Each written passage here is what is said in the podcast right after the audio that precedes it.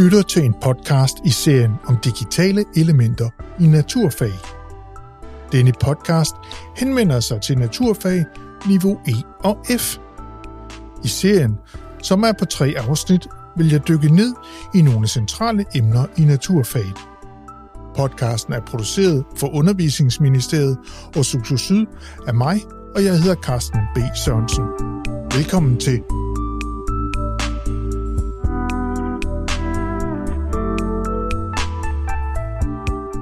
Det det afsnit handler om maden. Det vil sige, jeg undersøger, hvorfra den kommer, og hvad der sker, når vi indtager den. Det handler altså om fotosyntese, celler og respirationsproces. Rigtig god lyttelyst. Jeg er taget ud på landet. Øh, det vil sige nærmere bestemt, at jeg er taget til Gråsten, fordi her ligger en landbrugsskole, nemlig Gråsten Landbrugsskole. Og øh, det er simpelthen for at undersøge det her omkring fotosyntese, respirationsproces og hvad der ellers sker med afgrøder og foder og kvæg. Ved siden af mig har jeg... Jamen, jeg hedder Carsten Fredsted. Jeg øh, underviser på Gråsten Landbrugsskole i øh, mest plantefag. Jeg har en fortid som øh, praktisk landmand, og så er jeg uddannet på Københavns Universitet inden for noget med landbrug. Når vi ligesom står her, så kan man jo sige sådan en landbrugsskole her. Vi har jo et landbrug med, med køer, og så har vi en griseproduktion ved siden af. Og øh, det er jo simpelthen øh, arnestedet for både øh, fotosyntese og øh, respiration. For det er jo ligesom det, vi lever af. Hvis ikke de to processer var der, så øh, var der egentlig ikke noget landbrug. Og hvis vi sådan starter ud i marken, så, så, så, så har I måske lagt mærke til de grønne. Og øh, det vi dyrker her på skolen, det er, vi dyrker kløvergræs, og så dyrker vi majs, og så dyrker vi korn. Og korn, det er jo hvede og byg og havre og ru. Så det er sådan set de afgrøder, vi dyrker. Vi starter med at, at så afgrøderne. Og øh, der putter vi sådan en lille korn i, ned i jorden, ned i 3 cm dybde. Og øhm, så skal der gerne vand, varme og ild til. Og grunden til, at der skal ild til, det er for, at den kan sætte den der lille øh, grønne spire op, som vi måske kender. Så, øh, der, der, så sker der faktisk en respirationsproces ned i den her kerne. Når den respirationsproces så ligesom er slut, så øh, det næste, der sker, det er, så starter fotosyntesen. Der, der er solen jo enormt central. Fordi når, når planten den øh, står nede i jorden, så har den jo rødder. Og gennem rødderne, der optager den vand. Så det er den ene del, der skal til fotosyntesen. Det næste, der skal til, det er CO2. Og det optager den fra luften. Og igennem bladene, så kommer de ind i planten, og så bliver den ramt af det der sollys.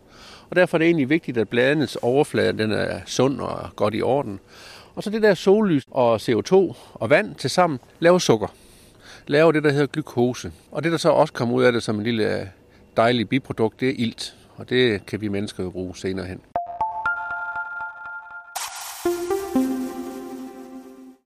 Men er, er det lige meget, hvilken form for sollys vi taler om her? Altså kan det være, er det det samme, om det er inde i et drivhus eller ude i naturen? Det er det faktisk. Altså man kan jo sagtens dyrke øh, planter på i drivhus også. Der sker nøjagtigt samme fotosynteseproces med CO2 og vand og så sollys. Det sukker, der kommer ud af det, det øh, bliver så gemt ind i plantecellen. Altså der er jo planteceller over det hele. Og det siger jo sig selv, at fotosyntesen laver den kun i de øverste dele. Nede i jorden kan man jo ikke lave fotosyntese, men der skal den også have energi. Så der får vi respiration, men det vender vi tilbage til. Når det kommer op det her, hvis vi tager eksempler som græs, ja. så laver det jo fotosyntese her, og så kan man jo se i græsset, så længe det bare er lavt, mm. så er der en masse, man kan næsten, hvis man tykker på et græsstrå, kan man næsten smage, det smager lidt af sukker. Især hvis der har været meget sollys en dag, så smager græsset sådan lidt sukkeragtigt, og det er jo glukosen. Men nu er det jo ikke sådan, at en græs bare er sådan en lille sukkerknald. Fordi når græsset så bliver ældre og bliver længere, så begynder, der, så begynder glukosen at blive lavet om til nogle andre stoffer, og det er sådan noget som lignin og, og cellulose og stivelse. Hvis, den får, hvis græsset får lov til at sætte en kerne, så er der stivelse i kernen. Og, og, og korn er jo også et græs, så derfor så vil korn have meget mere stivelse i kernen, end, end en græsplante har. Hvis vi går tilbage til græsset, så græsset også, når det begynder at blive langt, så kan I mærke, at græsset det bliver sådan, hvis man kigger på sådan et græs her, som vi står med her, så kan man se, at det bliver sådan lidt mere øh, stift i det. Og det, hvis I går ud og kigger på øh, nogle græsplanter, sådan den stive del, det er en anden type sukker. Det er, det er sådan noget som cellulose, og det er hemicellulose, og det er lignin. Og det kan køerne faktisk ikke fordøje. Så når man, når man snakker om græs, så skal det helst klippes, mens det er sådan rimelig sukkerholdigt og lavt. Så grunden til det, det er sådan en græsmark, som vi står og kigger på her. Der vil man kunne se, at øh, den, den snitter man. Man skorlægger den. Det gør man faktisk fem gange om året, for at undgå, at græsset bliver for højt, så det bliver for tungt fordøjeligt med, med de andre sukkerstoffer. Nå, hvis du nu forestiller jer et stort træ, der måske er 20 meter højt, det kunne være det, der står lige frem, fremme for, det er et egetræ. Altså, hvis nu det bestod af ren sukker, øh, så ville det jo knække. Hvis sådan et egetræ var en, en stor sukkerknald, så ville den jo ikke kunne tåle at knække i blæsvejr. Så derfor bliver det her sukker, det bliver lavet om til nogle længere sukkerkæder, som gør, at og som det så kommer til at hedde cellulose og lignin og hemicellulose. Og det er mere, øh, det kan give sig i vinden, og det kan bøjes, og det har egentlig nogle andre egenskaber. Så, så cellulose, lignin og hemicellulose er egentlig også en slags sukkerforbindelse. Og øh, Carsten, så er jeg jo ret interesseret i, at når man nu har fået det her græs op at vokse, og man høster det, så øh, skal vi også til at lave noget foder på et eller andet tidspunkt. Så kunne vi ikke gå hen og kigge på noget foder, og så kan du forklare lidt mere om, hvad det er, øh, det består af? Jamen det kan vi. Og så, det er jo egentlig sådan, når vi høster græsset, så høster vi det jo frisk. Ja. Og øh, når vi høster korn, så høster vi det egentlig, når det er moden. Men så skal det lagres, og lad os lige prøve at gå over i plantsiloen og kigge. Og øh, vi er gået over til en lade, øh, og jeg står og kigger på to ting her. Det er nemlig adskilt. Der er noget gult med noget sort plastik henover, og der er noget mere grønligt med sort plastik henover. Og Carsten, hvad er det? Jamen, øh, det gule, det er jo majs, øh, og man kalder det egentlig majs heltids ensilage. Og det er, det er lidt mere øh, mørkfarvet over. Det er, det er græsensilage. Og øh, det er jo egentlig nogle afgrøder, som er høstet friske. De er faktisk ikke modne. Og som I husker, det der græs, jeg sagde, det skulle klippes af i en kort højde for at bevare fordøjeligheden, sådan så at det, der, der stadigvæk var noget sukker i, og knap så meget af de der cellulose- og ligninstoffer. Nu når vi så har høstet afgrøden frisk, det der sker, det er egentlig, at det skal lagres. Og øhm, det skal i hvert fald lagres i minimum et år. Og, og, og det betyder faktisk, at man lægger plastik over. Fordi hvis man bare lader det i en stor stak øh, uden plastik på, så vil der starte en forrørelsesproces. Men det man gør her nu, det er, at man lægger plastik over. Og det kan, det kan nogle gange være en udfordring. For øh, og hvis så kommer en fugl ind, som du lige så, der kom forbi for lidt siden, hvis den så prikker nogle huller i det der plastik, det skal man altså gå og holde øje med, fordi det, det skal lappes. Fordi så starter forrørelsesprocessen igen. Så starter der en åndingsproces eller respiration. Man kender det jo også hjemme fra køkkenet, måske, at vi putter ting i poser. Nogle vakuumpakker endda derhjemme. Man kan også i supermarkedet købe vakuumpakket fødevarer, og vi putter det ind i køleskabet, hvor der også er mørkt og en vis kølighed, for at undgå, at, at respirationsprocessen starter der. Jamen, det er, jo, det er jo det, man gør med, med kødprodukter og, og grøntsager også. Altså noget putter man dem i fryseren, ikke? Øh, og det er jo simpelthen for at køle det ned, for at undgå, at respirationsprocessen den starter. En anden ting her også, nu nævnte jeg korn. Ja. Øhm, for eksempel sådan noget som hvede eller byg. Øh, her på stedet, der høster vi det jo. Øh, og høster kernen, hvor der er stivelse i. Det er jo lidt det, man går efter, når man høster korn. Og det stivelse derfor, at ikke den der respirationsproces skal starte igen, så kan man putte det i en silo, i en gastæt silo, som det hedder, hvor man faktisk øh, tilsætter CO2 øh, for at ligesom fortrænge ild, og så kan respirationsprocessen ikke køre, når den sådan ligesom er badet i CO2. Når man høster kornet også, så øh, vil man gerne høste det. Landmænd bliver rigtig ked af det, hvis det regner op til, fordi så er vandprocenten i kornet simpelthen for højt. Så hvis man høster det her korn og putter det i en silo, med for meget vand i, eller putter det på et lager, på et gulv, på et gulv for eksempel, så starter forrørelsesprocessen og respirationen. Og den måde, man gør det på, det er, at, at sådan noget korn, vådt korn, det tørrer man simpelthen. Så når kornet her, det er tørret, eller ja, og fodret, det er lagret herhenne, så øh, skal det jo bruges til noget, Karsten. Og øh, lige ved siden af mig kan jeg kigge ind i en kostal. Og øh, jeg nåede med, at I har... Hvor mange køer har I hernede? Der er 160 køer, og så er der opdræt til, og det vil sige de unge dyr, altså kviger og kalve. Så alt i alt, så er der vel cirka omkring 300 dyr herinde. Og det foder, de får, det er noget, I selv dyrker? Jamen, det er jo øh, korn, og så er det jo faktisk noget indkøbt kraftfoder og noget soja, man køber ind til sådan en produktion her. Og så det, vi selv dyrker, det er jo korn, græs og majs. Du forklarer mig lidt om, at øh, når den her ko, den så indtager fodret, og nu kan vi lige gå derind, Så nu øh, er vi på vej ind i kostallen, og de står og spiser deres øh, foder ganske lystigt. Det ligger på gulvet foran her. Øh, hvad er det for noget foder, de får? Jamen, det ligger på det, der hedder et foderbord, faktisk. Og, øh, og den mix der, den består egentlig af noget soja, så består den af noget korn og noget majs, ensilage og så noget kløvergræsensilage. Så det er sådan en blanding, og så har man nogle lidt vitaminer og mineraler i også. Man kan jo sådan stå og kigge lidt på det her foder, fordi landmanden, når han går ind i sådan en stald, så, så vil man observere landmænd, så går de altid og enten sparker i fodret, eller så går de sådan og løfter det lidt op. Og man tænker lidt, hvad, hvad, hvad pokker skal de spise det, eller hvad, hvad har de gang i? Men det, der egentlig sker, det er, at man står faktisk og mærker, om det er varmt. Fordi hvis det er varmt, så ved I jo godt, så er det respirationsprocessen, der starter igen. Og det er jo, det er jo i bund og grund fotosynteseprodukter, der er her. Det er jo, øh, det som jeg nævnte før, det er jo, øh, der er noget stivelse i, og der er noget lignin, og der er noget cellulose. Det må du så helst ikke være for meget af, men lidt struktur skal det jo være. Så de skal jo også have glukose og fiber og, og stivelse. Og øh, når det så kommer ind i munden på koen, hvad er det så, der sker derinde?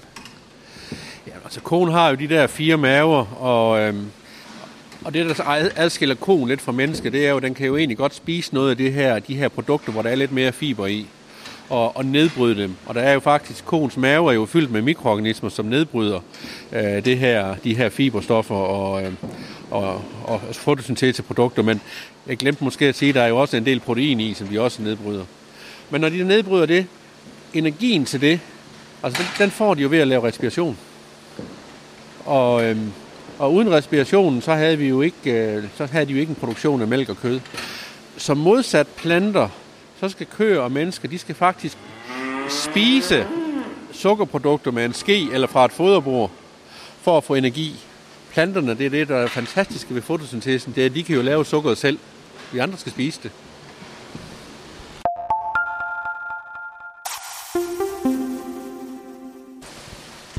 Carsten, det jeg egentlig godt kunne tænke mig at vide noget mere om, det er, ligesom du forklarede med fotosyntesen, hvad der indgår i den. Hvad indgår der så i respirationsprocessen? Nu sagde jeg jo, at, at køer de skulle spise foder fra foderbordet, og vi mennesker vi skulle spise øh, mad med, eller sukker med en ske. Uh, men, men det, der egentlig starter, når man, øh, det er jo egentlig energi, man spiser, når man spiser øh, kul eller sukkerholdige stoffer, kan man sige. Ikke? Og, og så skal der jo starte en nedbrydning af det.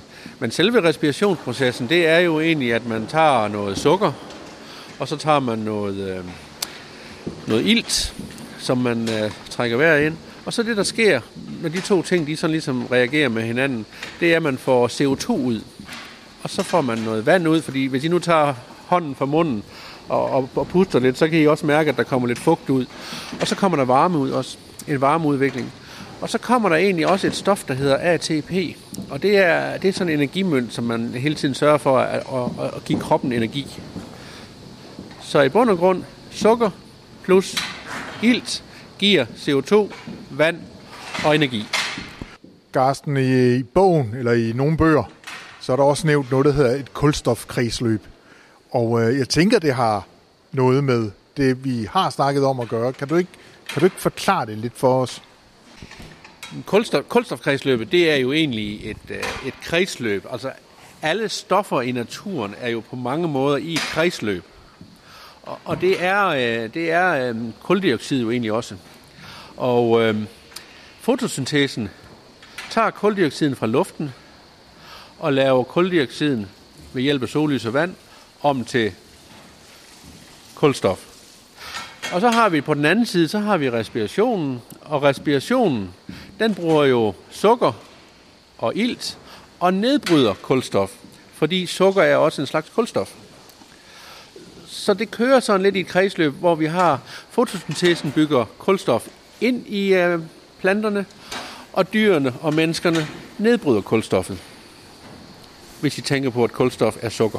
Carsten, jeg er blevet rigtig meget klogere på det her med fotosyntese og respirationsproces, og jeg har jo set det i virkeligheden nu. Du har vist mig foder, du har vist mig marken, du har vist mig øh, græs og korn, og du har også vist mig foder til køerne. Du har vist mig, hvordan køerne spiser, og øh, forklarer mig, hvad der sker inde i maven. Så øh, du skal have rigtig mange tak, fordi du vil være med. Jamen, velbekomme. Og nu er jeg kommet hjem fra landbrugsskolen. Og øh, har fået noget at vide om, hvordan vores føde bliver til. Men øh, jeg har det jo også med at spise det. Det gør vi fleste i hvert fald af os. Og hvad sker der så egentlig, når maden kommer ned i kroppen? Derfor har jeg lavet en aftale med Lina Andresen, som øh, er underviser i naturfag. Og øh, vi har sat os ved et bord, og der er noget smørbrød her. Og Line, når jeg nu spiser noget af det her, som for øvrigt smager ganske udmærket, hvad sker der så? Jamen, øh, det der sker, Carsten, det er, at øh, når vi spiser rugbrød, så er der jo de sammensatte kulhydrater i. Og når vi så får det ind i munden, så starter nedspaltningen af kulhydrater allerede. Øh, det sker ved hjælp af et enzym, som vi kalder spytamylase. Og øh, det starter med at nedbryde de her kulhydrater til øh, maltose, og så videre til glukose, som derefter optages i blodet. Og lige for at forstå det rigtigt, så det der spytamylase, mm. det er noget, vi har inde i munden. Ja, det er det nemlig. I blodet går det videre ud i cellerne, hvor vi anvender glukosen, øh, som vi også kalder C6H12O6, altså den kemiske formel, øh, og den bliver så anvendt i respirationsprocessen.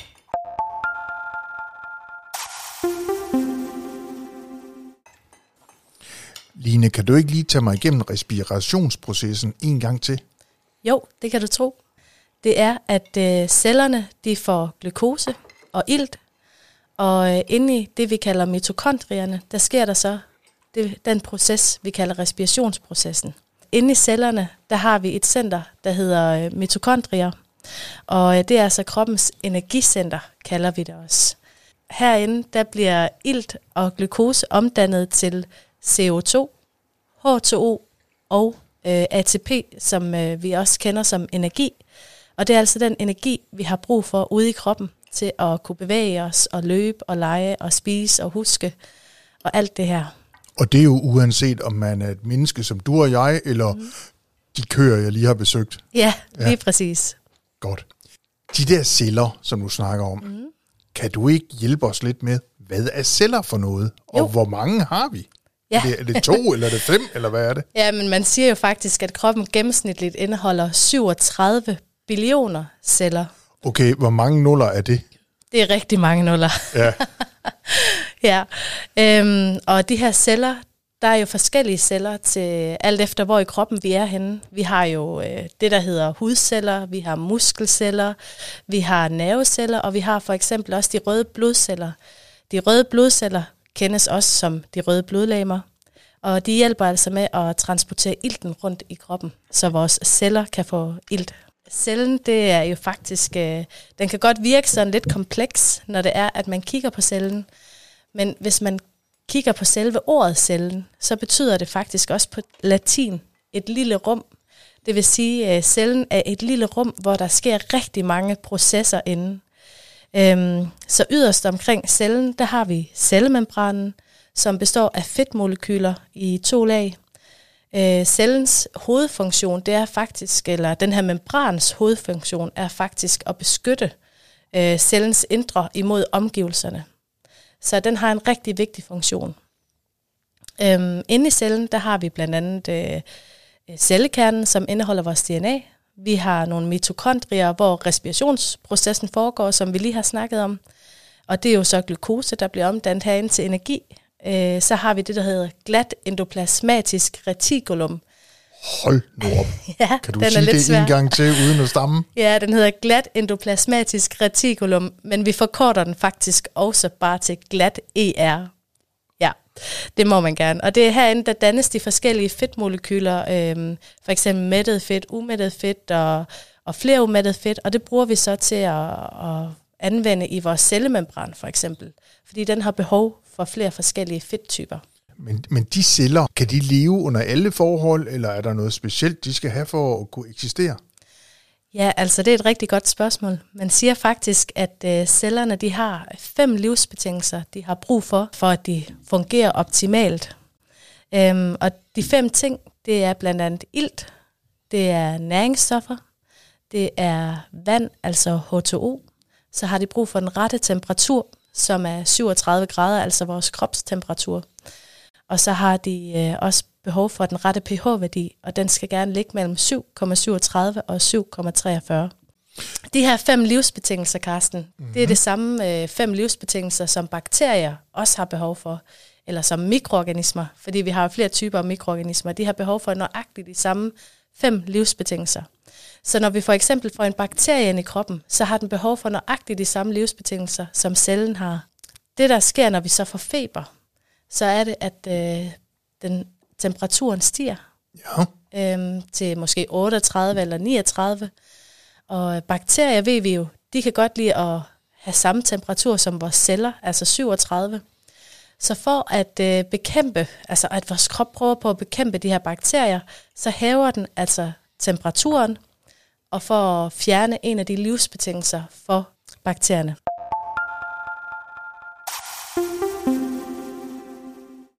Så Line, det er livsbetingelserne for cellerne. Ja, og vores Øh. celler, de er jo så smarte, Karsten. Ja. Ja. De fornyer sig hele tiden.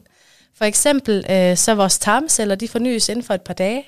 Og øh, vores hudceller, det er cirka inden for en måneds tid. Så hvis du ikke har set en god ven inden for den sidste måned, eller en god veninde, så, øh, så har de altså fået en helt ny hud, når det er, du ser dem igen efter en måned. Det er da ret vildt, at Ja. det kan gå så hurtigt. Ja, det er det faktisk. Vi snakkede jo lidt omkring den her cellemembran. Ja. Altså Ja. den yderste skal på cellen. Ja, lige præcis.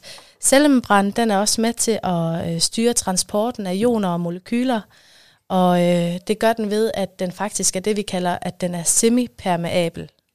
Okay. Ja, og Det, det, vil lyder sige, også kompliceret. Ja, det er det også. Men det vil sige, at den faktisk er let gennemtrængelig. Det vil sige, at der godt kan komme vand ind og ud af cellen. Og når der sker det, så kalder vi det også for osmose. Ja, så osmose, det er altså en transport af vandmolekyler. Det, der sker ved osmose, det er, at vandet vandrer fra det sted, der er en lav koncentration af stoffer, til det sted, hvor der er en høj koncentration af stoffer. I min undervisning, der plejer jeg at vise mine elever det ved, at øh, vi laver et agurkforsøg. Vi skærer agurkerne ud i skiver og prøver at komme øh, salt på, øh, sukker på, peber på, sådan lidt forskelligt. Øh, nogle steder på det er det rigtig meget salt på, og andre steder ikke så meget salt. Og så ser vi egentlig, hvad er det, der sker. Og det, der sker, det er jo, at øh, væsken begynder at flytte sig inden fra agurken af, og så ud. Så vi ser faktisk, at der begynder at lægge sig vandpartikler op oven på agurken lige pludselig. Så, øh, og det er jo fordi, at øh, der sker en osmose, fordi vandet det gerne vil udligne koncentrationen af stoffer. Så det er det samme på begge sider.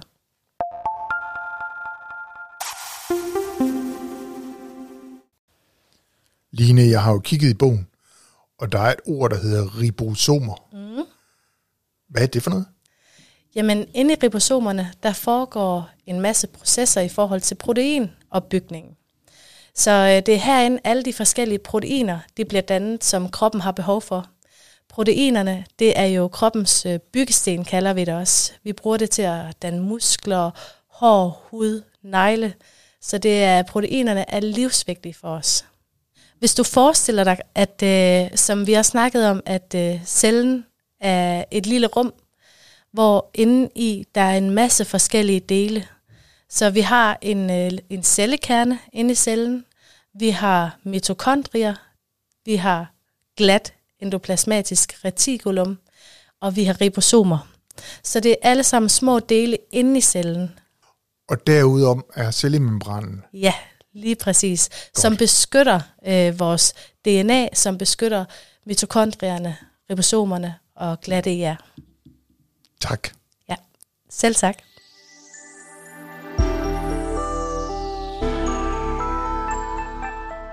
Du har lyttet til et afsnit af serien om digitale elementer i naturfag niveau E og F. Der er i alt tre afsnit. Lyt gerne til de to andre. Tak fordi du lyttede med.